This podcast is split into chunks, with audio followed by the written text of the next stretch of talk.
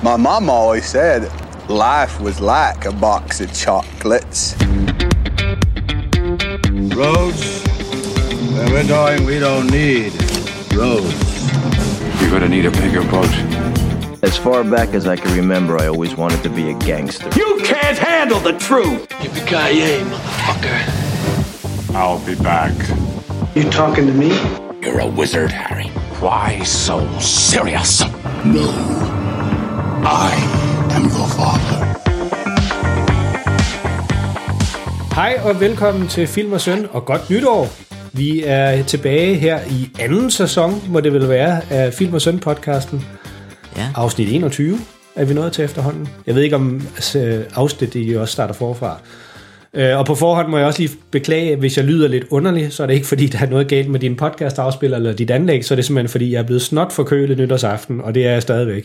Så det beklager jeg, hvis der er sådan en forholdsvis øh, tung nasal lyd i min stemme, men øh, det må jeg lige leve med. Det er der heldigvis ikke min. Det er der ikke i din stemme. Men øh, normalt sådan nogle øh, shows her, det, det vi skal gøre den her gang, det er, at vi vil prøve at lave sådan et lidt tilbagekig på 2019 og snakke lidt om, hvilke film vi har set, og hvilke film vi synes, der var de bedste, og så lave en top 10 liste.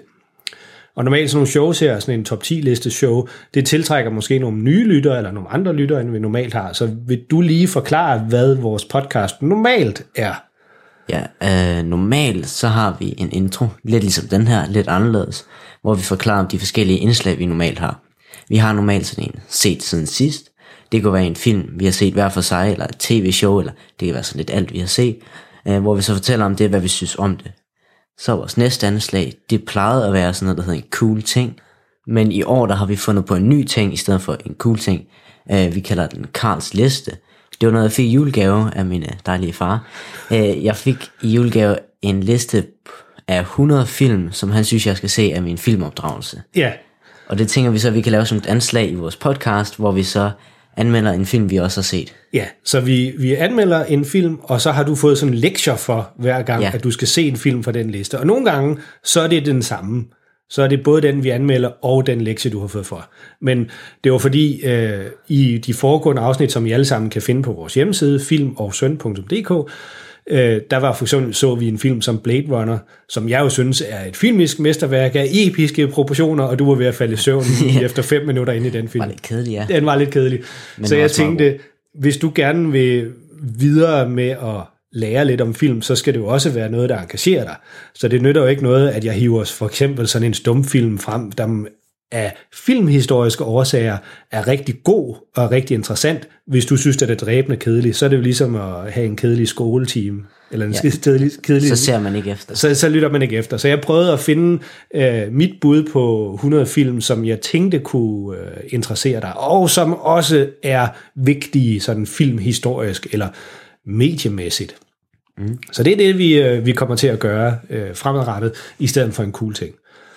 Men det her indslag, eller sluddervold, det her afsnit, det handler slet ikke om noget som helst af det her. Det er, hvor vi kigger tilbage på 2019 og de film, vi har set der.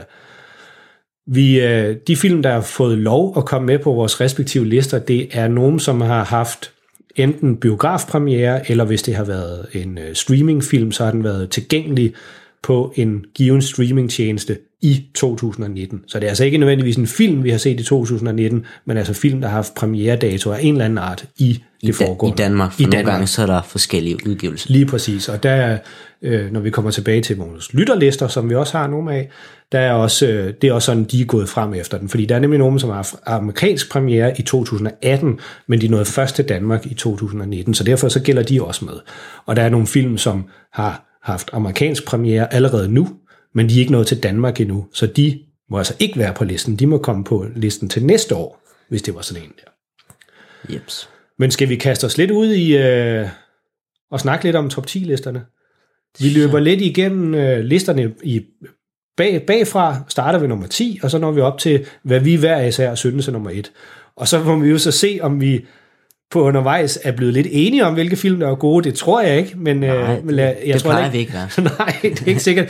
Vi får nok ikke en, en fælles top 1, det tror jeg ikke. Det tror jeg ikke. Du har set mange flere film end mig. Jeg har nok, ja, ja det, det ved jeg faktisk ikke. Jeg har nok måske set flere film, der havde premiere i år, end du har. Men jeg ja. tror, du har set flere film, end jeg har. Du har lidt Det mere tror jeg. fritid, end jeg har. Det har jeg. Jeg har meget mere fritid. Ja. Øh, Hele sommerferien. Lige præcis. Men måske skal vi også lige, øh, inden vi kaster os ud i det, så skal vi måske lige sige nogle film, vi tror, vi mangler at se, som vi tror, der vil være gode.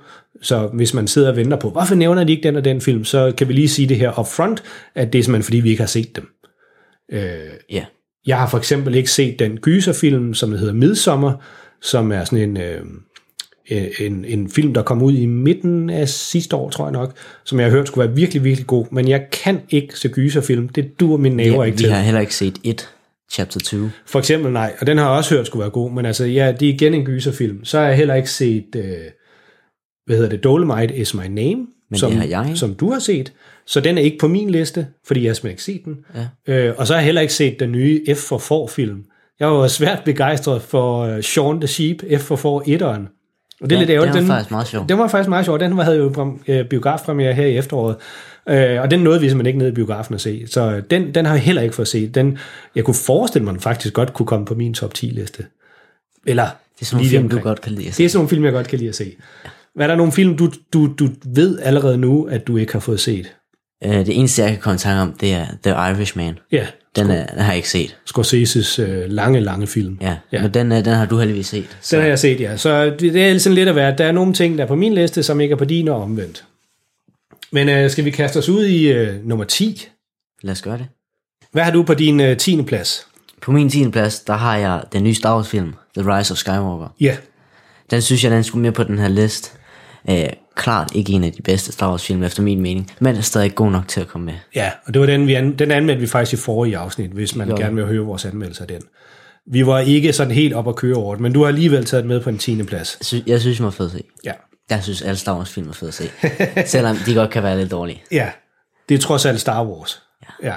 Min uh, 10. plads, det er Avengers Endgame, som jo ligesom slutter hele den her Marvel serie, der har kørt af 350 film, der har været de sidste øh, to Ja. år, eller hvad det er. Nu starter de sådan et nyt afsnit af det, kalder de det. Ja, og det kan vi jo komme lidt tilbage til, når vi snakker lidt om, hvad vi skal se frem til i 2020. Men det var min 10. plads. Hvad skal vi hoppe straks videre til din 9. plads? Det tror jeg, vi skal gøre, så det ikke bliver alt for langt, det her afsnit. Ja, lige præcis. Ja. På min 9. plads, der har jeg Toy Story 4. ja. Synes jeg faktisk var rigtig fed at se. Vi var inde og se den med min lille søster og en af hendes veninder. ja. Det var meget hyggeligt og fed historie igen. Det, er det, det, er jo, det er jo Pixar, det er jo ligesom Star Wars, det er jo næsten altid godt. Og hvis det ikke er, så er det stadig godt. så er det stadig godt. Jamen, jeg, den har jeg også på min liste. Den ligger lidt længere op, men det kan vi komme tilbage til. Ja. Øh, min 9. plads var The Irishman, som vi snakkede om lige før, som øh, du ikke havde fået set, men som jeg havde set, som jo dengang vi snakkede om den i vores øh, podcast, jeg kan faktisk ikke engang huske, hvad afsnit det var, men det kan man søge på vores hjemmeside, hvis man gerne vil finde afsnittet. Så nævnte jeg, at jeg synes, den var rigtig lang, og den havde nogle problemer med det her øh, computereffekt, hvor det er, at de har prøvet at gøre skuespillerne yngre, end de i virkeligheden er, og at det ser, øh, ser lidt pudsigt ud på grund af deres, deres øh, kropsbevægelser, som jo er stadigvæk er en gammel mands. Men det er alligevel, altså, det er virkelig en god film. Der er det, jeg tror nok, jeg gav den fire stjerner ud af fem. Øh, så den hører helt klart hjemme på en top 10 liste. Den kommer bare ikke sådan helt op. Den er ikke helt op at ringe. Så den, det er min 9. plads. På min øh, 8. plads, Ja. ja. springer vi bare hurtigt videre. Der har jeg sådan trænet din drage, den fra i år. Træeren. Ja, træeren. Ja, yes. Den er Gemte Verden, The Hidden World. Mm. Den synes jeg skulle på en underplads, for jeg synes, det er den perfekte måde at slutte den her tre film. For der kommer vel ikke en fire nu. Nej, Ikke hvis det- du har set den, så slutter den meget. Den, den slutter meget. Ja. definitivt, det er rigtigt. Og den slutter på den perfekte måde, synes Ja. jeg. Så jeg synes helt klart, den skulle med her. Og det er faktisk, øh, det, det bliver tit omtalt som nogle film, som er sådan lidt barnlige, altså det er sådan lidt nogle film for børn, men det er, det er noget sludder, det er nogle virkelig, virkelig gode film. Det er de. De er vildt godt lavet, og det er en vildt god historie, og animationen, den er bare helt topklasse. Den, den har jeg også på min liste, men den nåede desværre ikke lige ind i min top 10. Men jeg har til gengæld en anden øh, tegnefilm på min 8. plads. Det er den, der hedder Claus, som var øh, Ja, Netflix's julefilm, juletegnefilm, som vi også har omtalt i en af vores afsnit, hvor den handler lidt om øh, den her, øh, hvad hedder det, legenden om Santa Claus, altså Santa Claus, hvordan den ligesom opstod, og hvor, hvor, hvor den prøver at komme med lidt nogle sjove forklaringer på, hvorfor det var, at det var sådan. Øh, den synes jeg faktisk var rigtig sjov. Den var rigtig hyggelig og godt lavet også, og havde sådan en, nogle sjove gimmicks i. Så den, øh, den, den kunne jeg- forklaring på, God- hvorfor. Lige præcis, den kunne jeg faktisk rigtig godt lide. Øhm, så nu har vi taget 9. Nej, slå, nu har vi taget 10. 9. og 8. pladsen. Ja. Skal vi øh, kigge lidt på, hvad vores lyttere har, øh, har givet? Vi har, vi har fået en, øh, en liste, vi i hvert fald kan læse op. Det er ja. fra vores øh, faste lytter, Jonathan, som har straks sendt en liste ind. Og han, han skriver også lige sådan lidt forklaring, at øh, han har også taget det danske biografår, altså ligesom vi sagde, film, der havde biogra- ja. øh, premiere i Danmark på det tidspunkt. Øh, og han siger også på forhånd, da, da han sendte listen, det er lidt tid siden, jeg tror, han sendte den lige efter, vi havde anmeldt Star Wars. Det gik meget hurtigt i hvert fald. Det gik meget hurtigt. Ja. Der, der skrev han lige, der var et par film, han ikke havde set, øh, så derfor er de ikke på listen. Der var blandt andet den nye Star Wars-film, Irishman, Knives Out, som jeg faktisk heller ikke har set, Marriage Story, og så øh, den tyske film, der hedder Værk uden skaber. Dem har han ikke fået set. Øh, men ellers er hans liste, hvis vi tager den op fra øh, nummer 10 og ned, så er der Detective Pikachu. Den har jeg heller ikke set. Det er jeg faktisk heller ikke. Det var, jeg kan bare huske, da den kom frem, så synes jeg bare, den lød virkelig, virkelig mærkeligt, at man skulle tage Pikachu og gøre til en jeg kunne detektiv. ikke forstå selve ideen. Nej. På hans øh, 9. plads, der har han den, der hedder Yesterday, som handler om ham her, øh, gutten, som er, øh, jeg tror, at han slår sit hoved eller et eller andet, og så da han vågner op, så vågner han op i en verden, hvor der er ingen, der nogensinde har hørt om Beatles. Ja. Og så begynder han at spille Beatles-sange, fordi der er ikke nogen, der kender dem, og så bliver han en kæmpe stjerne, fordi det er jo nogle gode sange. Øh, og så sker der en masse ting. Den har jeg heller ikke set, så jeg ved faktisk ikke, om den er god. Jeg har hørt godt om den. Jeg, jeg har heller ikke set den. Det er sådan underligt, vi har ikke rigtig set de samme film. Nej. Så er der på 8. pladsen, så er der Shazam. Den har vi set. Den, er, jeg tror, den er på begge vores lister. Det, ja. det kommer vi til. Det var på en 8. plads, en rigtig god en. Så på 7. pladsen har han Captain Marvel, som er den her, en, af, en af de mange Marvel-film, der kom i år. 6. pladsen, 1 Chapter 2, som er den her forestillelsen til 1 øh, gyserfilmen. Så er der De Frivillige, som er en dansk film på en 5. plads. Så er der Quentin Tarantinos Once Upon a Time in Hollywood på en 4. plads. Så er der Green Book på en 3. plads som jeg heller ikke har fået set. Det er faktisk også på min liste over film, jeg ikke har fået set. Den havde dansk premiere i starten af året, men havde reelt en premiere øh, i 2018 i USA, men derfor så tæller det med her. På anden pladsen har han Avengers Endgame, øh, som vi begge to har på vores lister, tror jeg. Jeg har allerede nævnt, hvor den lå på min. Ja, jeg har den i hvert fald også på min. Og på førstepladsen har han Jokeren, eller Joker, som den bare hedder. Og det er jo en rigtig, rigtig fin liste, han har fået lavet her. Det er, der kan vi være meget, meget enige i den rækkefølge, han har sat dem i. Så er der dem, han kalder boblerne. Det var dem, der næsten nåede ind i top 10. Der er Spider-Man Far From Home, der er Jumanji Next Level, og så har han så set den her Midsommer, som er den her gyserfilm. Øh, De nåede ikke ind i top 10-listen. Det var en rigtig fin liste, den her. Tak fordi du sendte den ind. Det er, det er fedt, at vi, der er nogen, der engagerer sig med, med os om, og, og vil dele lidt om, hvad de synes om filmåret her. Ja. Skal vi vende tilbage til vores lister? Ja. Hvad var vi nået til en syvende plads, var det ikke Vores sådan? syvende plads, ja. Hvad ligger der på din syvende plads? Der ligger Dolomite is my name. Ah, der kommer den så. Ja. Yes. Jeg synes faktisk, det var en virkelig god en. Jamen, den skal jeg simpelthen også have fået set. Det skal du helt Og klart. det er jo Eddie Murphy, der virkelig har fået et comeback der. Fordi ja, han har jo... Det kan man sige. han har. Han var jo gigastjerne i 70'erne og 80'erne, som vi snakkede om, og så lavede han bare skrammel på skrammel op igennem, ah, måske ikke så meget 90'erne, men i hvert fald i 0'erne, der lavede han, der lavede han nogle rigtig, rigtig dårlige film, og forsvandt sådan mere eller mindre ud i, hvad hedder det, uvidsheden, ukendtheden for alt, og så kommer han tilbage med den her, og han bliver jo rost enormt meget for den her rolle, han har. Han er virkelig god. Han spiller virkelig godt. Den ryger, den ryger straks på min to-watch-liste, og som en af dem, jeg skal have. Du har meget, du skal se. Ja, det har jeg.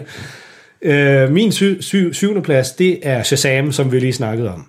Ja, Øh, jeg tror også, du har den på din liste, måske lidt højere op. det har jeg. Den er, det var jo ikke en Marvel-film, det var en DC Comics-film. Ja, det er det- faktisk første gang i lang tid, de har fået en god en ud. Ja, det må man sige. Og den, øh, det, den nok gjorde, øh, som vi jo, vi jo tit har snakket om, der er så godt ved Marvel-filmen, det er jo, at de ikke altid tager sig seriøst, at de er lidt sjove også. Ja. Hvor de andre DC-film, de er så meget alvorlige, og det er, "Øh, og det er, nu er jeg Superman, og du er Batman, og nu, øh, nu kæmper vi. Ja. Hvor det, som Marvel-filmen er gode til, det er også, at der er noget humor i, og det er der i den grad i Shazam. Den er de, virkelig tager, sjov. de tager meget pis på sådan alt det der Superman. Lige præcis. Det er, den er virkelig underholdende. Øh, hvad har du på din 6. plads? På min 6. plads har jeg den nye Spider-Man, Far From Home. Ah ja, Ja, den, var også, den, øh, den er en af mine øh, bobler, og det kan vi komme tilbage til. Den var meget tæt på at komme med. jeg puttede den på min 6. fordi øh, jeg er stor Spider-Man-fan. Det Ja. ja. tror jeg, alle sådan egentlig lidt er. Ja, hvem kan ikke lide Spider-Man? Ja. Og så, hvad hedder han? Tom Holland, er det ikke det, han hedder? Jo. Ja. Han spiller meget fedt. Han er, ja, efter min mening, så er han den bedste Spider-Man, der har været. Han gør det virkelig godt. Jeg synes desværre bare lidt Spider-Man, han virker lidt som en, der kommer med på det her Avengers-hold. Han er ikke sådan hovedpersonen i de Nej. fleste. Sådan, I den her nye en, der er det jo også Iron Man, han prøver at skulle tage over fra. Ja, det er, det er rigtigt. Jo, det er jo ikke sådan det fede Spider-Man. Det er Nej, også, det er sådan mere, når han er sig selv selv. ja, han selv, og hans dragt her, altså Tony Stark, han havde lavet nogle skitser til det, og så færdiggør han det bare lidt. Ja, Det, det er jo sådan ideen med det, at han selv laver det hele. ja. Det synes jeg er lidt dumt. Men den kommer, stadig, den kommer stadig på min uh, top 10 liste. Den er, den er, det, er god, det er god underholdning, men det, vil, det er rigtigt, det ville have været bedre, hvis det var en, hvad skal vi kalde det, en, en lukket Spider-Man-film. Ja. Altså, der kun handler om Spider-Man og hans univers. Ja. Fordi det er faktisk ret interessant, hans univers. Ja, altså den første film, der kommer i det her Marvel Cinematic Universe, der er han jo også ringer hele tiden til Happy, som der arbejder for Tony Stark. Han skal redde nogle af deres ting. Det er sådan hele tiden det er rigtigt. deres ting. Det ville være federe, hvis han var selvstændig. Ja, Ja, Jamen, det er rigtigt. Det er faktisk en rigtig god pointe, fordi det, det er det der, de andre film gør. Der kender han, kæmper han mod, hvad det hedder, Green Goblin og Octo, ja. Octopus, er det ikke, han hedder? Jo. Den, ham med, med, Dr. Octopus. ja. Sådan noget. Og det er jo ellers nogen, som ikke optræder i det øvrige Marvel-univers. De optræder kun i Spider-Mans univers. Ja, det er rigtigt. Ja. Jamen, det var din uh, 6. plads. Min 6. plads, nemlig. Min 6. plads, det er, det er en dokumentar. Dem har jeg faktisk på stykker af, både på min boblerliste og på, øh, på top 10-listen her. Men det er den første af dem, der hedder Free Solo. Og den havde øh, biografpremiere i Danmark i januar måned. Øh, og den handler om ham her, bjergbestigeren. Altså det er free climbing, det er når man klatrer op af bjergsider uden sikkerhedsudstyr. Altså man holder kun fast med sine hænder og sine fødder. Jeg ved ikke, om man kan holde fast med sine fødder, men står fast med sine fødder. Ja. Han har så også sat sig fast det her, eller sat sig for det her mål, at han vil klatre op af El Capitan-bjerget i Yosemite Nationalpark, som er den her vi, nationalpark, vi faktisk har været over i. Det er Og vi- gigantisk. Det er et gigantisk bjerg, og det er mere eller mindre en lodret væg, altså klippevæg. Ja. Når man står og kigger på den, så ligner det sådan en, nogen, der har skåret et skive franskbrød. Den er sådan Ja. helt, helt lige, og den går helt lodret. Og den har han så besluttet sig for, at den vil han træne til, og den vil han klatre op af. Og så følger den her dokumentar ham så, øh, hvor han gør det, og det er ikke nogen øh, spoiler, at det lykkes for ham, fordi han, han, lever, han lever stadigvæk. Øh, men det, der så er så absurd, eller så øh, interessant ved den her dokumentar, det er, at man kommer tæt på ham her, fordi han er, en ting er det her med, at man er en ekstrem sportsudøver. Det der findes der jo mange, der gør, altså nogen, der kører på vilde mountainbikes, eller et eller andet fællesskabsudspring. Men han har, han har sådan en, øh, jeg vil næsten sige brist. Altså han er ikke bange for at dø. Han er faktisk ligeglad med at dø. Og det er der, der er ikke særlig mange mennesker, der tænker på det med at dø, som han gør. Og det er meget fascinerende at lytte på sådan en, der snakker på den måde. Det er også lidt skræmmende, fordi han har jo venner og familie, og han har en kæreste, som han er forlovet med også, og han er faktisk ligeglad med, om hun vil være ulykkelig over, at han dør. Det, det rører ham ikke, det interesserer ham ikke. Og han skal så øh, træne sig til at klatre op ad den her Yosemite, eller det her El Capitan-bjerget i Yosemite. Ja. Øh, og det er jo sådan, når man klatrer uden sikkerhedsudstyr, så skal man jo ikke mere end måske 5-10 meter op af det her bjerg. Hvis han derefter laver en fejl, så er han jo død. Der er jo ikke noget, der holder ham så. Og det her bjerg, det, og det her bjerg, det er over 1100 meter højt, som man så skal klatre op af. Og, øh, og man sidder næsten lige fra starten af den her film til slutningen, der sidder man og sveder på hans vegne. Altså sådan nervøsitets, nervøsitetssved. Og det er virkelig intens. Det er, jeg har faktisk ikke prøvet øh, en dokumentarfilm, der har gjort det på den måde. Og det er måske fordi, den er virkelig. Det er måske, måske fordi, den netop er en når, når der dokumentar. er noget virkeligt, så er der sådan et eller andet andet over det. Ja, øh, og selvom man godt ved, fordi han er jo blevet interviewet efterfølgende, man ved jo godt, at han har han klarede det, men så sidder man alligevel fuldstændig sådan på kanten af stolen og, og ved ikke helt, hvad man skal gøre. Jeg, jeg tror, jeg læste en artikel om det faktisk. Eller Ja. sådan, jeg læste ikke den helt vel, det gør jeg aldrig. Skimmet. Men, ja, skimmet over den. Men så stod der, at han havde øvet sig, ligesom du også siger, med sådan nogle ja, seler på. Ja. Og så var han faldet et par gange, han har faktisk brækket ryggen, tror jeg det var. Ja, det, havde, det ser man også der. Man ser faktisk ulykken. Altså, der klipper de væk, da det sker, for, men de har faktisk filmet ulykken, fordi det er lidt voldsomt. Øh, det, det er, Og så, at han vil gøre det igen uden seler på. Ja. Og han, han, han, det er faktisk kun lykkes ham, altså han, da han træner, så træner han med seler på, og så, jeg kan ikke huske præcis, hvor mange gange det er, han prøver, men han prøver rigtig mange gange, og det lykkes ikke for ham at gøre det med selen på, altså med sikkerhedsselen på. Men så en dag, så siger han, nu gør jeg det uden. Og så gør han det, og så gennemfører han så. Så klarer han det. Men hvorfor han tænker, lad mig lige gennemføre det fem gange med en sikkerhedssele først, før jeg er sikker på, at jeg kan gøre det, det gør han ikke. Og det er meget mærkeligt. Slemt med den der frygt for, at jeg falder ned, så dør jeg. Ja. Så er der ikke sådan et andet forsøg, jeg skal Nej. Gøre det nu. Det må være det. Nå, men øh, det var vores øh, syvende og sjette plads. Ja. Så havde vi jo også givet os den der fuldstændig umulige opgave med at skulle finde årtidets film. Og det er jo, det er jo komplet umuligt. Hvis man kun skulle vælge én film, der skulle Det være ikke, årtidets film. Nej, Man kan slet ikke blive enige om det. selvom det var en umulig opgave, så sagde jeg, prøv at kigge film, du har set, som har været, haft øh, biografpremiere fra 2010 til og med udgangen af 2019, om der er nogle af dem, du tænker, det har været en rigtig, rigtig god film, den kunne jeg se igen og igen. Fandt du en film der så? Så jeg fandt en, jeg synes, der var virkelig godt lavet. Virkelig Ja. godt skrevet. Inception af Christopher Nolan. Ja, det er et godt valg. Den så jeg faktisk her i ferien. Ja, Øh, jeg ved ikke, hvorfor jeg først så den her i ferien, men det gjorde jeg. Og jeg synes virkelig, den var god. den er meget interessant. Altså sådan virkelig fedt skrevet, sådan totalt original. Jeg har aldrig set noget lignende Nej. med historien. Det er, det er næsten ærgerligt, at Christopher Nolan er blevet kendt for at lave de her Batman-film. For det er faktisk hans, hvis man kigger på hans film, så er det faktisk hans, Hans dårlige film. hans dårlige og hans kedelige film. Ja. De, de gode film, det er slet ikke det. Men hvis man kigger på, hvad han ellers har lavet, så er det altså nogle virkelig interessante film, han har lavet. Ja, altså, Der er også kommet et par af dem på din liste, din ja. Lektieliste. Ellers så på anden pladsen, der ligger Joker, og tredje pladsen Edge of Tomorrow. Det er også nogle gode film. Fjerde plads, Spider-Man Into the Spider-Verse. Den har jeg set sådan 6-7 gange. Nu sidder jeg her og peger på min liste, den er også på min fjerde plads. Den, er, den, det er, øh, jeg tror, hvis vi skulle lave en top 10 liste over film fra, var det ikke sidste år, den kom?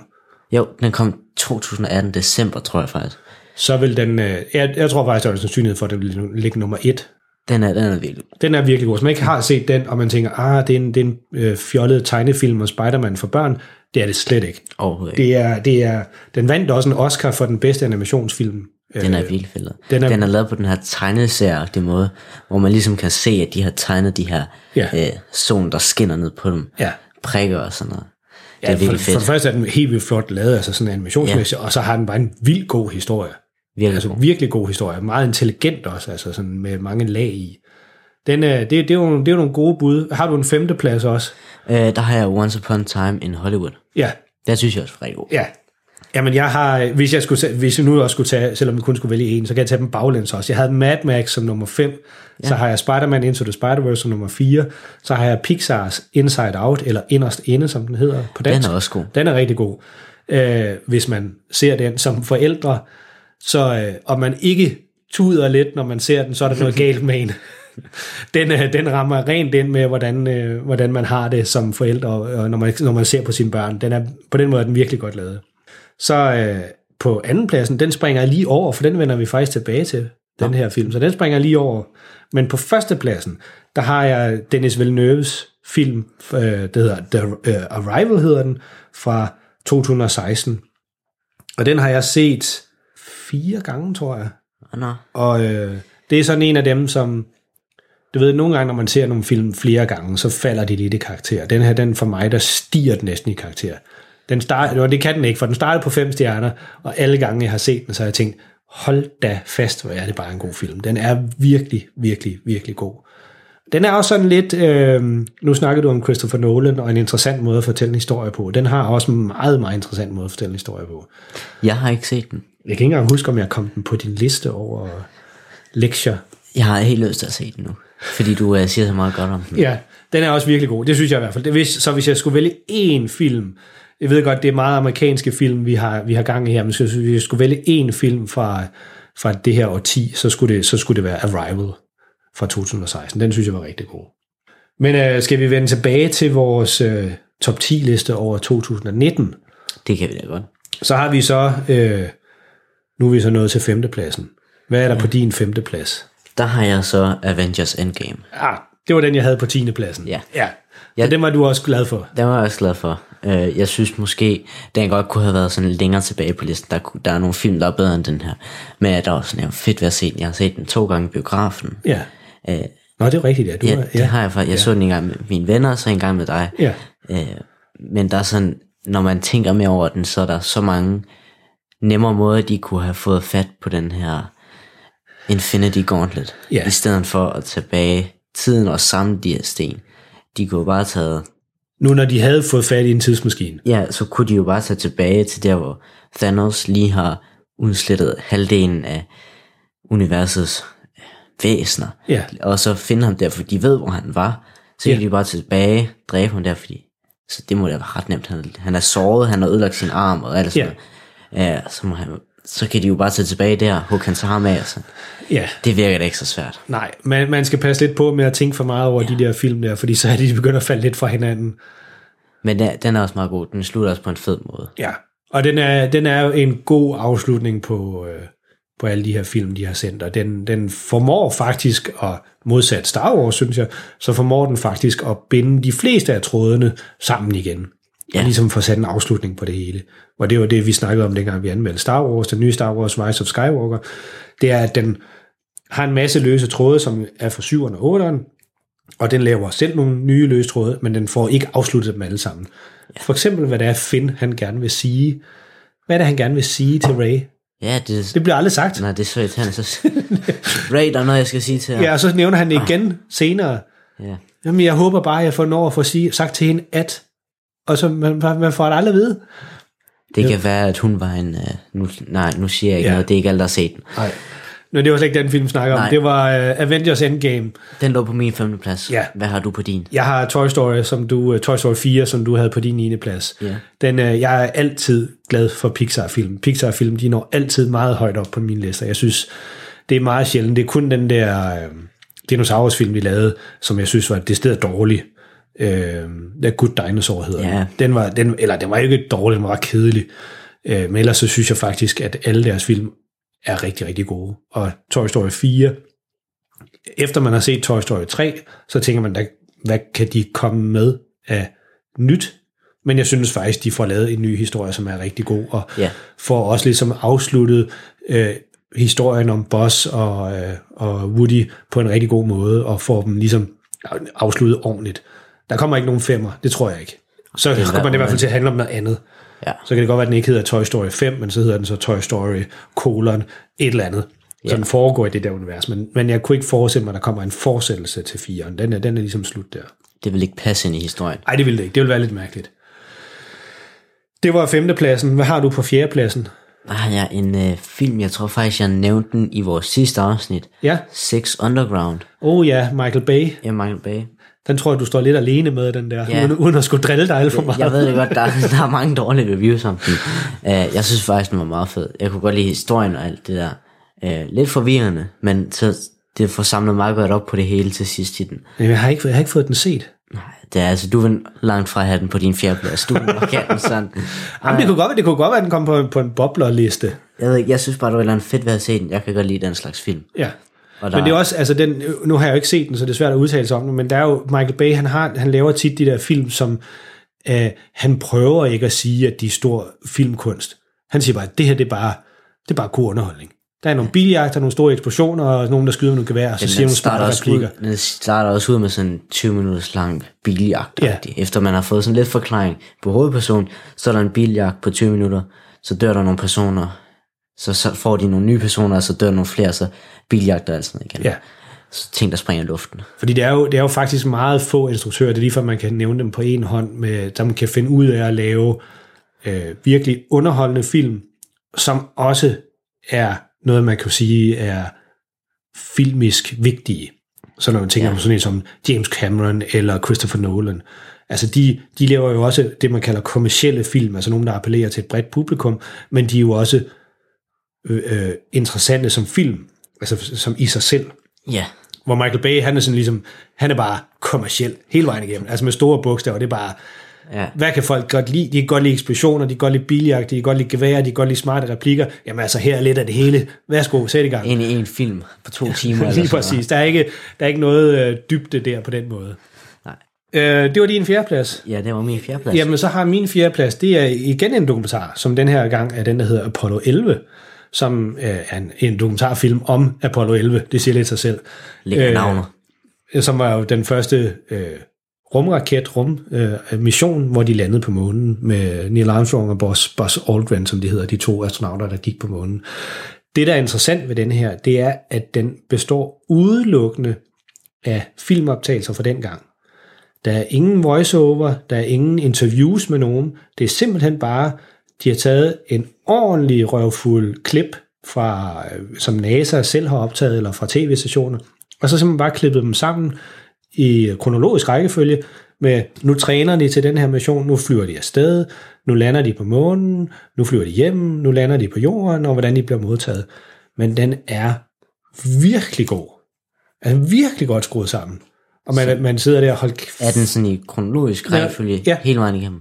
Hele vejen igennem, og man, altså alle kender jo Apollo 11, altså der er ingen, der ikke har hørt om øh, Neil Armstrong, der går på månen og siger øh, den berømte replik, men alligevel så sidder man og er meget spændt på, hvad der sker, og hvad der foregår, ja. selvom man udmærket godt ved, hvad der ender med. Det er det ligesom, når man ser Titanic, eller øh, altså det er jo også en, en, en, den ved man jo godt, at, at skibet det synker, men alligevel så er den en spændende film. Ja, så Men, får øh, man lyst til at se videre på den. Hvis man godt kan lide dokumentarfilm, så er der Free Solo, som jeg snakkede om på en sjældeplads, men altså Apollo 11 på en fjerdeplads, det er virkelig, det er årets dokumentarfilm. Det kan jeg afsløre allerede her. Der er ikke flere dokumentarfilm på min uh, top 10 liste, men den er virkelig, virkelig god. Den, er, den kan jeg anbefale til alle. Okay. Så det var så øh, femte og fjerde pladsen. Inden vi hopper til vores top 3 liste, er der så nogle film, du blev helt vildt skuffet over i år, hvor du troede, på, måske på forhånd, at denne her, den, den, øh, den kan nok godt ryge ind på min top 10 liste, men så da du så den, så tænkte man, hold da fast. Så nu, øh, nu tænker jeg tilbage på alle de film, jeg har set i løbet af i år. Ja. Øh, så så vi Captain Marvel øh, i, jeg tror det var påskeferien.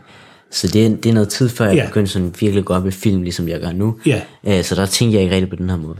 Men den, den synes jeg ikke var så god igen. Ej. Så det er måske lidt eller årets skuffelse, men stadigvæk ikke, for den er, den er god nok. Ja, Men hun virker sådan lidt Superman-agtig for DC, så hun bare Superman for Marvel. ja.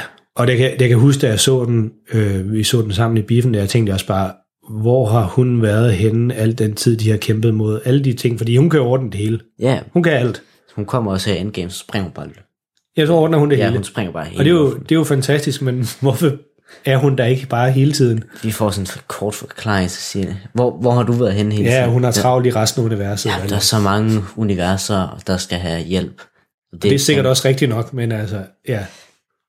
Stadigvæk. Ej, det er rigtigt. Den, den var ikke sådan, øh, nu øh, var der godt nok Jonathan, han havde den på sin øh, top 10 liste, men jeg synes også, den var en smule skuffende. Min, øh, min helt store skuffelse i år, det var Terminator Dark Fate. Den var virkelig, altså sådan som de havde markedsført den, så var det, nu er det oprindelige hold fra Terminator Judgment Day, det var tilbage, de var alle sammen tilbage, James Cameron var med til at skrive manuskriptet og producere den, og bum, bum, bum, og Tim Miller, der instruerede den, som jo har lavet Deadpool, og Ja, ja. jeg tænkte, ej ja, det, er- det bliver nok ikke noget mesterværk, ligesom Terminator 2 uh, Judgment Day, men det skal nok blive rigtig godt, og det var det bare ikke. Det var bare, mm. det var rigtig skidt. Puha, den var, den, den, den skal man bare styre en stor bu udenom. Den har jeg faktisk også på min liste, som der ikke helt er oppe på 10. plads. Ja. Den er, den er også sådan en skuffelse.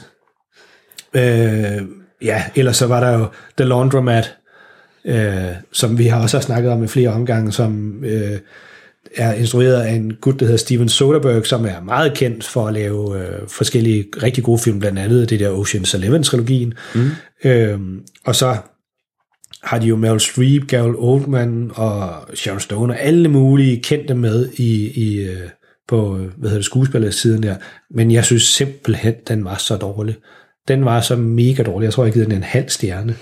jeg, jeg vil kan lige tjekke, hvad jeg har givet den. Jeg kigger lige her. Jeg har givet den en halv stjerne. Jeg har givet den to stjerner. Åh, trods alt.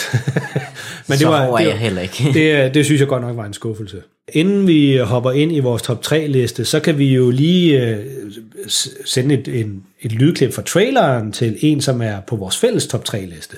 Øh, og det, lytterne, når de hører det her, så ved de, hvad det er for en film, men vi to ved jo i princippet ikke, hvad det er på vores hinandens top 3 lister. Men, øh, men det kan vi lige øh, sætte ind her, det lydklip. I'm Rick Dalton. It's my pleasure, Mr. Schwartz. Call me Marvin. Put it there. That your son? No, it's my stunt double, Cliff Booth. Last night we watched a Rick Dalton double feature. All the shooting. I love that stuff, you know, the killing. Top 3. Nu er vi hen mod slutningen af vores lister. Ja, Nu begynder det, nu begynder det at blive alvorligt. Hvad er der på din, øh, din, din tredje plads af årets film 2019? da, da du sagde alvorligt, så tænkte jeg, det, det er ikke så alvorligt, den jeg er på tredjepladsen. Det er Shazam. Det er Shazam. Ja. Den var, jeg havde den på en syvende plads. Den er virkelig sjov. Det er den, og Ja. jeg, jeg, elsker sådan en superheltefilm, for der er sådan det der univers med superhelte, det er fedt, og alt det der, og så man kan prøve en masse ting med det, og den her, det er klart den bedste DC superheltefilm, synes jeg i hvert fald, det Ja. kan være folk, der har andre måder. Men jeg synes, det er sjovt med, at de tager pis på alt det her. Så, Yes. Sådan, der er en scene, jeg synes, det er virkelig sjovt, hvor den onde, han står og råber noget til ham, og der er sådan 100-200 meter mellem dem. Og så Shazam, han råber tilbage til ham, jeg kan ikke høre, hvad Nå ja. fanden er det, du siger. kan du ikke snakke lidt højere? Og fordi det gør de med altid i sådan nogle film. Der står de et eller andet sted og råber til hinanden på kilometers afstand. Og altså, det, Og det er jo i virkeligheden, men man ikke jeg, kunne kan, høre det. jeg kan ikke høre, hvad du siger. Det er rigtigt. Og det er det, jeg ser i den her. Ja. Der er sådan en anden scene, hvor der er sådan et eller andet øje eller sådan noget, han, han skal have ind i, ind i hovedet, og så lader han som om, at han, han gerne vil have det ind i hovedet, men det er sådan noget ondt noget, så han skal ikke have det ind i hovedet. Og så de andre, de sådan, nej, nej, stop, stop. Og så siger han, ha, jeg fik jer, I troede virkelig, jeg ville have det ind i hovedet. Sådan en stort, klamt alien øje her. Ja. Hvor det er sådan, hvem, fanden ville putte det ind i deres Ja. hoved? Ja. Den, jeg synes, at den er sjov, og nok ikke sådan uh, filmisk bedste tredjepladsfilm. Men jeg, jeg synes, det var fedt at se. Den er bare, den er bare gardin underholdning, som man siger. Ja. Det er, den er en sjov historie, den er godt lavet, godt håndværk, og øh, nej, det er ikke noget filmisk mesterværk mm. overhovedet, og det er ikke en, der går hen i historien som en den store Oscar-vinder det år, eller noget som helst. Den er bare vildt sjov. Altså, folk tænker nok på den i år som den bedste DC-film. Det tror jeg også. Men øh, næste år, så helt hvad der kommer en bedre, så har man glemt alt om den. Ja.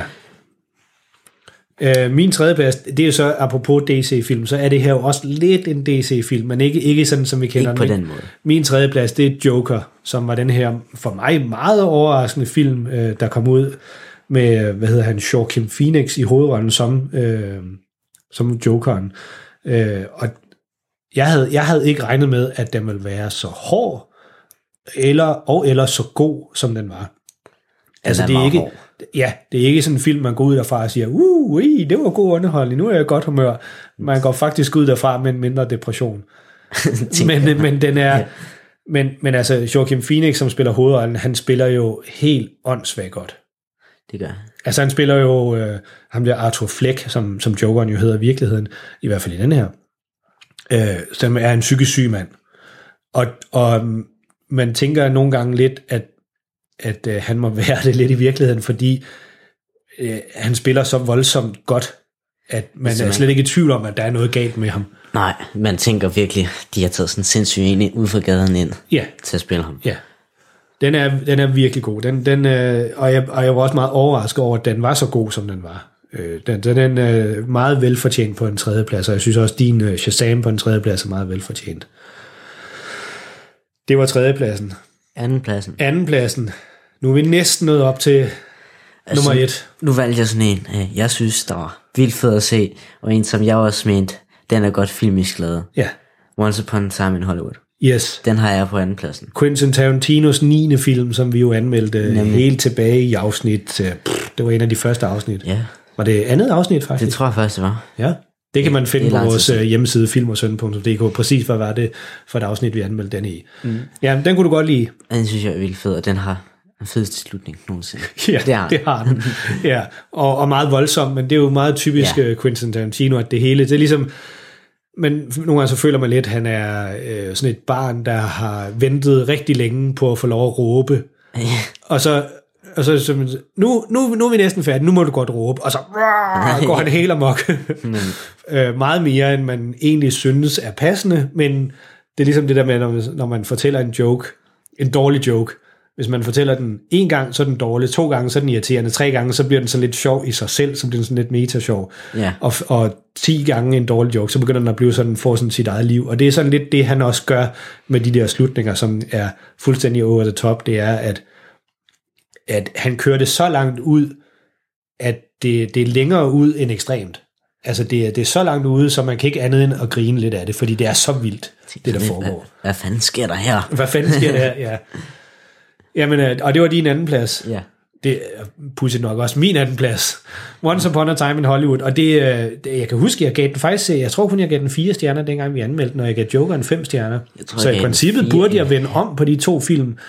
Men, øh, men da jeg sad og, og lavede listen her, og så tænkte over, hvilke film vil jeg gerne se igen, der vil jeg hellere se Once Upon a Time in Hollywood igen, end jeg vil se Jokeren igen. Det er sådan, når man har set Jokeren, så har man ikke sådan lyst til at se den igen. Nej, selvom det er så god en film, Ja, fordi den er så deprimerende. Ja, og Once Upon a Time in Hollywood, den er, den er rigtig godt lavet, og den er en god historie, og den er også bare sjov og, og hyggelig på mange punkter, selvom Ja. den også har scener, der bestemt ikke er hyggelige.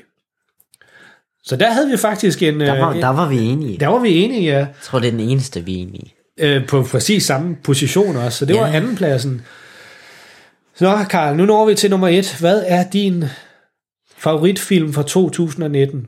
Der har jeg så taget Jokeren. Der har du så taget Ja. Jokeren, så den er, den er alligevel på din nummer et. Ja, den er, den er virkelig. Jeg ved ikke, om man kan sige mere, end du allerede sagde på. Nej, men altså, Så- det, men den er, den er bare god. ja, Den er virkelig fedt lavet. Eller, den er jo ikke fedt lavet, den er deprimerende lavet. Jo, men det, altså, den er flot lavet. Ja, det er den. Ja. Den er enormt flot filmet, og hele farvesætningen igennem hele filmen er meget øh, gennemført. Ja, der, med farve, så kommer jeg faktisk til at tænke på en film, jeg så tidligere den her uge. The Burn Identity.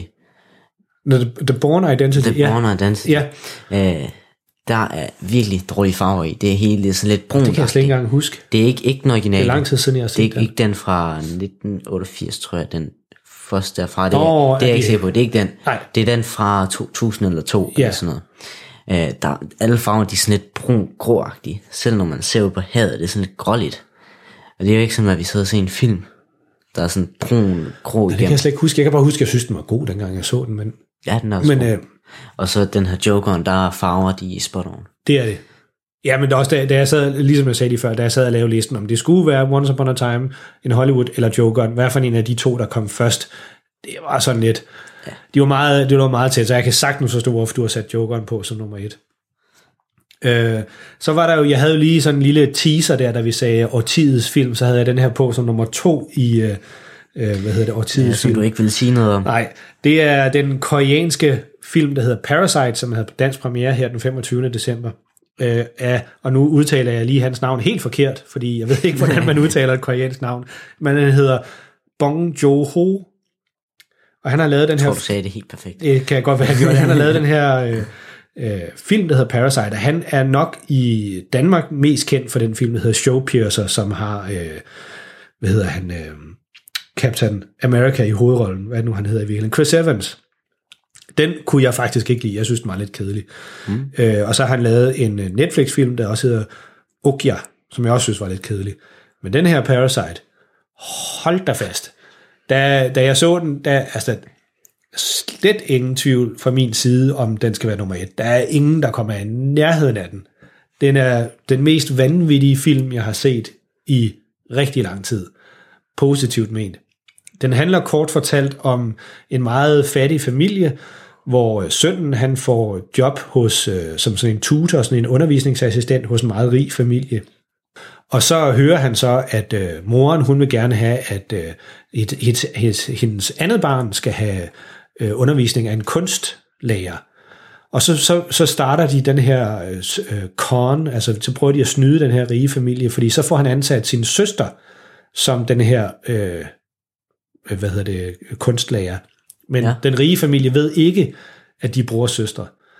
Og så langsomt så får de ansat hele familien, så bliver moren også ansat, så bliver faren også ansat, og så hvordan de prøver at snyde den her meget rige familie i, i Sydkorea mm. øh, for at få jobs, fordi de, de lever virkelig i et skummelt og uselt øh, miljø. Øh, det, det er jo sådan en slags film, en slags historie, man har set mange gange før, men den, den tager nogle, øh, nogle drejninger undervejs, som man slet ikke havde regnet med. Jeg tror ikke, når man sidder og ser den her film, at man kan regne ud, hvor den er på vej hen. Og det er, det er virkelig sjældent, at det sker for mig, at jeg sidder med en film, hvor jeg tænker, nu prøver de at snyde mig som tilskuer, så nu skal jeg holde øjne og ører åbne, og nu prøver jeg så sådan at regne lidt ud, hvad der sker. Jeg tror, jeg har tre muligheder. Der. Ja, ja, det er en af dem. Men her, der sidder man, Der er måske bliver det 10 fjerde. muligheder, og så bliver det en mulighed, man overhovedet ikke havde regnet med. Og så sidder man bagefter, hold da fast. Og sådan, øh, nu, nu kan jeg jo ikke sydkoreansk, så det er svært for mig at vurdere, om skuespillerne er gode eller ej, fordi det er jo tit det, man kan høre på den måde, de leverer Snak- replikkerne. snakker de sydkoreansk? De snakker sydkoreansk, ja. ja. Øh, det er jo tit den måde, man kan høre, om øh, en skuespiller er god eller ej. Det er derfor, jeg nogle gange har det så svært med danske film, fordi at de, det er så tydeligt, de læser et manuskript op. De taler ikke naturligt, så jeg kan ikke høre, om de taler naturligt eller ej. Men det virker som om, at de gør det, og det virker øh, som om, at de spiller rigtig, rigtig godt skuespil. Men Parasite er, nu skal jeg lige kigge på skærmen her igen, fordi jeg kan ikke huske hans navn, Bong Joon-ho. Jeg sagde det sikkert på en anden måde lige før. Men øh, den er går i biografen lige nu, den har lige haft premiere her øh, den 25. december. Se den for pokker. Den kommer sikkert snart på øh, nogle af streamingtjenesterne, fordi øh, udlandske film har ikke det helt store publikum i Danmark, så de går hurtigt ud af biograferne. Så havde vi, det var simpelthen øh, vores liste her, Karl. Skal Det vi lige øh, løbe dem hurtigt igennem, inden vi går til dem, som næsten nåede med til listen? Ja, det kan det være. Hvad havde du, hvis du tager den baglæns og tager hele din liste? Øh, Så på 10. pladsen, der havde jeg Star Wars, The Rise of Skywalker. Ja. Jeg synes der ikke, den skulle med. Så havde jeg Toy Story 4, uh, How to Train Your Dragon, The Hidden World. Som nummer 8. Ja, som nummer 8. Nummer 7 har jeg Dolomite Is My Name. På nummer 6 har jeg Spider-Man Far From Home. Som nummer 5 har jeg Avengers Endgame.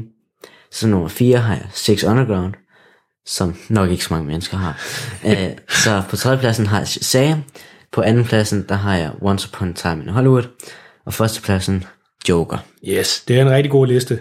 Øh, jeg havde på 10. pladsen havde jeg Avengers Endgame, 9. pladsen Martin Scorsese, The Irishman, 8. pladsen Klaus, tegnefilmen om julemanden, 7. pladsen Shazam, 6. pladsen dokumentarfilmen Free Solo, 5. pladsen Pixars Toy Story 4, 4. pladsen dokumentarfilmen Apollo 11 om Apollo 11, 3. pladsen Jokeren, som du havde på første pladsen, anden pladsen, den var vi fælles om, Once Upon a Time in Hollywood, og på første pladsen Parasite.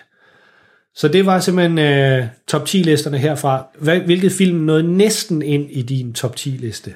Uh, Ad Astra. Den, den, Astra. den nåede næsten ind, og jeg ved ikke, om jeg vil sige næsten ind uh, med Jumanji, The Next Level. Ja. For jeg, jeg synes ikke, den skulle på nummer 10. Nej, Det, det vil jeg ikke sige, men den, den, jeg har lagt den ind på den liste, jeg lavet. Der ligger den bare på 12. pladsen. ja. Uh, og så er det Captain Marvel efter Ja. den. Ellers så er det sådan nogle film, jeg synes, de var gode nok, men de skal ikke på top 10. Nej. Jeg havde, øh, jeg havde faktisk den her Marriage Story, som Jonathan fortalte om, han ikke havde fået set. Den har jeg fået set, og den har... Øh, nu er der jo øh, Golden Globes uddeling her i aften. Vi optager det her afsnit søndag den, den øh, 4. Nej, slut, den 5. december. Mm. Og i aften dansk tid, eller nat dansk tid, der er Golden Globes uddelingen, som er den her, øh, hvor journalisterne i USA, eller de journalisterne fra de udlandske dagblade i USA, de går sammen om at uddele priser til de bedste tv og film, de har øh, vurderet i løbet af året. Og der ligger den her Marriage Story, den ligger helt oppe i toppen som den formentlig store vinder af både bedste film og bedste hovedroller. Og den, den, øh, den er måske nok den film, der i løbet af året har det bedste skuespil i, i sig. Det er Adam Driver og Scarlett Johansson, altså Kylo Ren og Black Widow, der ja. spiller hovedrollerne. Og de, jeg har aldrig nogensinde set dem spille så godt. Altså, de spiller helt vildt godt. Mit problem med den, det er bare, at den, den handler om de her to, som, som er gift, og som skal skilles. Og så handler den om, hvad, hvad, hvad de går igennem øh, i, i forbindelse med deres skilsmisse, og de har et barn sammen også. Det, der er mit helt store problem med den, det er hele deres præmis for, hvorfor de skal skilles. Den synes jeg er vildt underlig. Øh, det er fordi, hun gerne vil til Los Angeles og optage en film, og de bor i New York, øh, og det er han ikke sådan super interesseret i at gøre lige med det samme, og så derfor så skal de skilles. Det synes jeg er en underlig grund for at blive skilt. Altså hun skal bare filme en film. Ja, hun, hun vil gerne, hun, hun, hun var en stor tv-filmskuespiller i Los Angeles, før hun flyttede med øh, sin mand til New York, fordi han er teaterinstruktør. Så hun satte ligesom sin filmkarriere på Vogue Plus og blev i stedet for teaterskuespiller i New York. Og nu vil hun så gerne tilbage til Los Angeles for at lave film og tv. Og det kan man jo sagtens forstå. Det er jo, nu har hun gjort det i, i 10 år, tror jeg det er. De har boet i New York. Nu vil hun gerne tilbage til det, hvor hun kommer fra, og det kan man jo sagtens forstå. Men at det ligefrem skulle være grund til, at, at de vil skilles, det synes jeg bare virkede helt vildt underligt. Så derfor så kommer den altså ikke på min top 10 liste. Øh, Jeg ved, der er mange, der synes, den er rigtig, rigtig god. og Jeg synes også, skuespillet det er helt fænomenalt, men den, den kommer altså ikke på en top 10 liste. Jeg har ikke set den. Er, jeg, jeg ved heller ikke, om den er seværdig for andet end skuespillet, men, øh, men det er den i hvert fald. Øh, så Spider-Man Far From Home, den røg lige ind på en 11. plads. Den røg næsten med på, øh, på top 10-listen. Jeg synes også, den er, den er sjov og underholdende, men, men hvis man skulle vælge mellem den og Avengers Endgame øh, og have på listen, så vil jeg sige, at det skulle være Avengers Endgame, der lå Ja, det vil jeg også sige. Øh, jamen ellers så... Ad Astra nåede heller ikke ind på min liste. Jeg synes ikke, den var så god, som den blev hyldet til at være. Øh, nu var jeg så inde sammen med din lille søster og se Frost 2 her lige efter jul, mellem jul og nytår. Mm. Øh, den er slet, slet ikke lige så god som Frost 1. Øh, at det er sådan lidt ærgerligt, at Frost-filmen har fået den her med, at folk er træt af den. Fordi der var, det blev ligesom sådan et fænomen i sig selv. Altså, man kunne få Frost det ene og det andet, man kunne få Frost udklædningstøj, og øh, den der sang, den blev jo spillet non-stop, fuldstændig overdrevet Det meget. er også bare sådan en musical. Ja, ja, det er, den er jo lavet, altså, lavet både som teaterstykke og musical og alt muligt, så folk er blevet rigtig trætte af den, men jeg tror, at de fleste har glemt, hvordan filmen egentlig er, fordi Frost 1 er faktisk en rigtig, rigtig god film. Det er en Ja. rigtig god historie. Og det er Frost 2 altså ikke. Den har nogle helt klart de sjove øh, episoder med Olaf som, øh, øh, som snemanden og alt det her, det er der med igen, men, men den er, historien er slet, slet ikke på højde med, med etteren. Så den er, den er sådan lidt en, enten en øh, årets skuffelse, eller, eller i hvert fald en bobler, der ikke kom med. Men jeg kom til vi nævnte, hvilke film vi ikke har set. Ingen af os har set Knives Out. Nej, Den skulle vist også være ret god. Den skulle være Det er rigtig derfor, god, den ja. ikke er med på nogen af vores lister. Ja, det var en af dem, der havde premiere lige før jul, tror jeg nok. Ja. Og havde den premiere samme dag som Star Wars, det kan jeg faktisk ikke huske, men af en eller anden grund, så fik vi den altså ikke se. Jeg Jeg, synes jeg, faktisk, har, den ser meget god ud. jeg har måske også sådan lidt, jeg tænker, det var ham der, Ryan Johnson, øh, der lavede Star Wars 8, The Last Jedi. Det var ham, der, det ham, der har lavet den her. Så tænkte jeg også, ah, det ved jeg ikke helt, om jeg gider gå tilbage til en fuser. Men, øh, men, øh, men jeg har også hørt fra alle, der har set den, at den skulle være virkelig, virkelig god og meget øh, øh, intelligent som sådan en øh, krimifilm, hvor de skal prøve at opklare, hvem der er, der har slået en eller anden person ihjel. Men det var altså vores top 10 lister. Der var lidt øh, skuffelser, der var lidt øh, bobler. Vi prøvede at komme med et bud på, hvad over tidens bedste film var. For dit vedkommende, der var det Inception fra Christopher Nolan, og for mit vedkommende, ja. der var det Dennis Villeneuves øh, Arrival. Men hvad ser vi så frem til i det her filmår, vi går ind i nu? Er der nogen film, du allerede nu kan have set om dem? De virker interessante.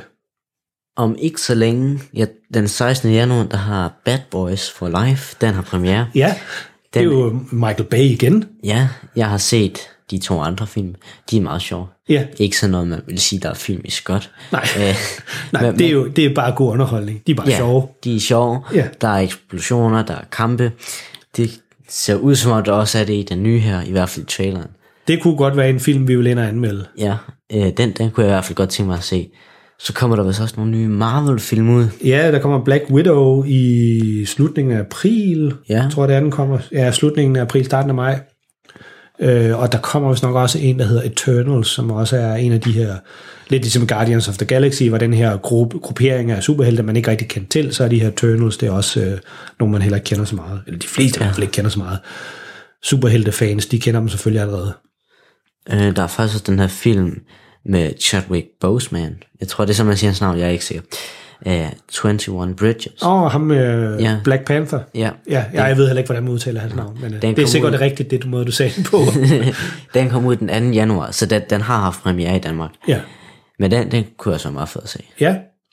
Så kommer der jo også øh, to Pixar-film, der kommer fremad i marts måned, og mm. så kommer der Soul, hedder den indtil videre, men den kommer formentlig til at hedde Sjæl, når den kommer herover. Den kommer i august måned, som er øh, Pete Doctor, ham der lavede Inderst Inde. Det er hans opfølger af den. Mm. Så den er lidt ligesom Inderst Inde, hvor for, øh, handler om, hvad der foregår inde i hovedet på folk, så den her, den handler så om, hvordan, hvad foregår med, det, med din sjæl.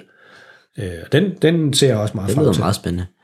Så kommer der jo endelig, øh, jeg siger endelig, for det er et stykke tid siden, vi har fået en James Bond-film. Så kommer der en James Bond, nummer 25, No Time to Die. Den Der er kommer i april. mange af dem. Ja, der, uha, dem har de lavet siden 60'erne.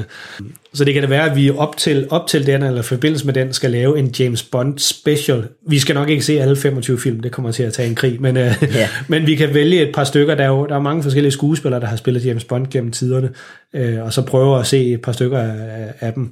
Ja, Ellers så har du jo snakket meget om Christopher Nolan her på det seneste. Han kommer jo også med en ny film, der hedder Tenet, som jo Ja. ja. delvist er optaget i Danmark. Hvis Det I er godt, ser, hvis du. Ja, hvis I ser traileren, der er lige kommet en ny trailer ud. Øh, der kan I se, at de på et tidspunkt sejler forbi nogle vindmøller. Det er i Danmark. juhu, Ja, Danmark ja. med. Danmark på verdenskortet. og så slutter vi jo af øh, formentlig i året med at se Dennis Villeneuves udgave af Dune, eller Klit, som den jo hedder på dansk, som du jo har læst en bog. Kommer den ud i år? Den kommer ud i år lige før jul. Er planen. Den tror jeg bliver svær at lave som film. De har, de har prøvet det før, og de har, de har, jeg tror, de både har lavet den som en film, øh, og så har de også lavet den som tv-serie, og ingen af dem er særlig gode. Jeg tror, den fungerer bedst som tv-serie. Fordi den er så lang. Fordi den er så lang, der er så meget, man skal have vide. Øh, så meget baghistorie i bogen. Ja, Og hele universet, det er sådan ret fantastisk. ja. Så jeg tror ikke, hvis man skulle lave en film, så blev det nok sådan en tre timers lang film, hvis man skulle have alt. Det, øh, det kan også sagtens være, det er det, den ender med.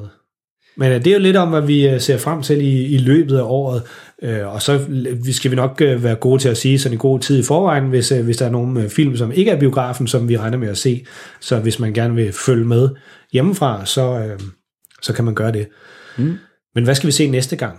Nu fik vi lavet vores top 10. Nu fik vi skudt anden sæson af Film og Søn i gang med en top 10 liste over 2019. Hvad skal vi se næste gang? For så er det et helt almindeligt afsnit. Ja, det er et godt spørgsmål. Du kom med et forslag til, at vi kunne tage en øh, film fra den liste, der jeg havde lavet til dig. Ja, Fordi så kan vi så lave et eksempel på, hvordan et afsnit, hvor både din lektie og den film, vi skal anmelde, det er den samme film. det kunne vi godt gøre. Snakker Jeg her. mener, Momento er på. Den er, den er faktisk en, rigtig interessant, og den er jo virkelig en film, som bliver fortalt på en anderledes måde. Lidt ligesom da vi så Pulp Fiction, altså det her med, at den bliver klippet om, altså den, den ikke foregår i kronologisk rækkefølge, man i starten, når man ser den, så øh, det er lidt forvirrende, men så hen mod slutningen, så begynder det sådan at samle sig ind i hovedet på en. Ja. Jamen, Memento, det kan vi godt aftale, det er den, vi skal se næste gang. Det er en dybt brutal og voldelig film, men øh, Fedt. den, øh, den står inde i skabet øh, på DVD, tror jeg nok, det er, jeg har den på, men øh, den kan vi se næste gang. Ja. Memento af Christopher Nolan. Det er jo en ældre film efterhånden. Jeg kan ikke engang huske, om den er fra 2000 eller sådan noget i den retning. Jo, den er fra 2000. Så den er gammel, men den er rigtig, rigtig god. Og det er en del år siden, jeg har set, så det bliver også meget interessant at se den igen. Jeg har aldrig set den. Nej. Så det bliver, en, øh, det bliver filmen til næste gang. Ja. Og det bliver et frygteligt langt afsnit, det her. Nu kan jeg se, at tælleren står heroppe på en time, når vi får klippet det her sammen, hvor jeg sidder og hoster og pusser næse, Ja. hvis vi får klippet det ud, så bliver det formentlig lidt kortere. Men ellers så tror jeg næsten, vi har en rekord her i, i længde af afsnit. Jeg tror også, rekord er sådan 40-45 minutter. Ja. Jeg tror, vi slår den i dag. Ja, det gør vi også. Øh, og bare roligt, de næste efterfølgende afsnit, de bliver ikke så lange, hvis I synes, det her afsnit var lidt langt. Men vi havde også lige en masse lister, vi skulle igennem. Vi er sådan gennemsnitligt på en halv time, Ja, tror jeg. ja, det plejer det at være. Det kan måske være, at det bliver lidt kortere, når vi øh, ligesom næste gang tager din lektie og den film, vi skal anmelde, at det er en og samme film. Så kan det være, at det bliver lidt kortere. Tak fordi I lyttede med, og tak til alle jer, der lyttede med i 2019 og var med til at give os øh, reviews inde på iTunes, eller hvor I nu fandt øh, vores podcast henne. Det hjælper os med at komme ud til flere lyttere, og det er vi rigtig glade for. Så er der ikke andet at sige end øh, tak, fordi I lyttede med, og tak, fordi I øh, sendte lister ind til os, med hvilke film I synes, der var på øh, top 10-listen over 2019. Og så ser vi frem til et spændende film over 2020, hvor der kommer nogle spændende film, og så høres vi ved i næste afsnit.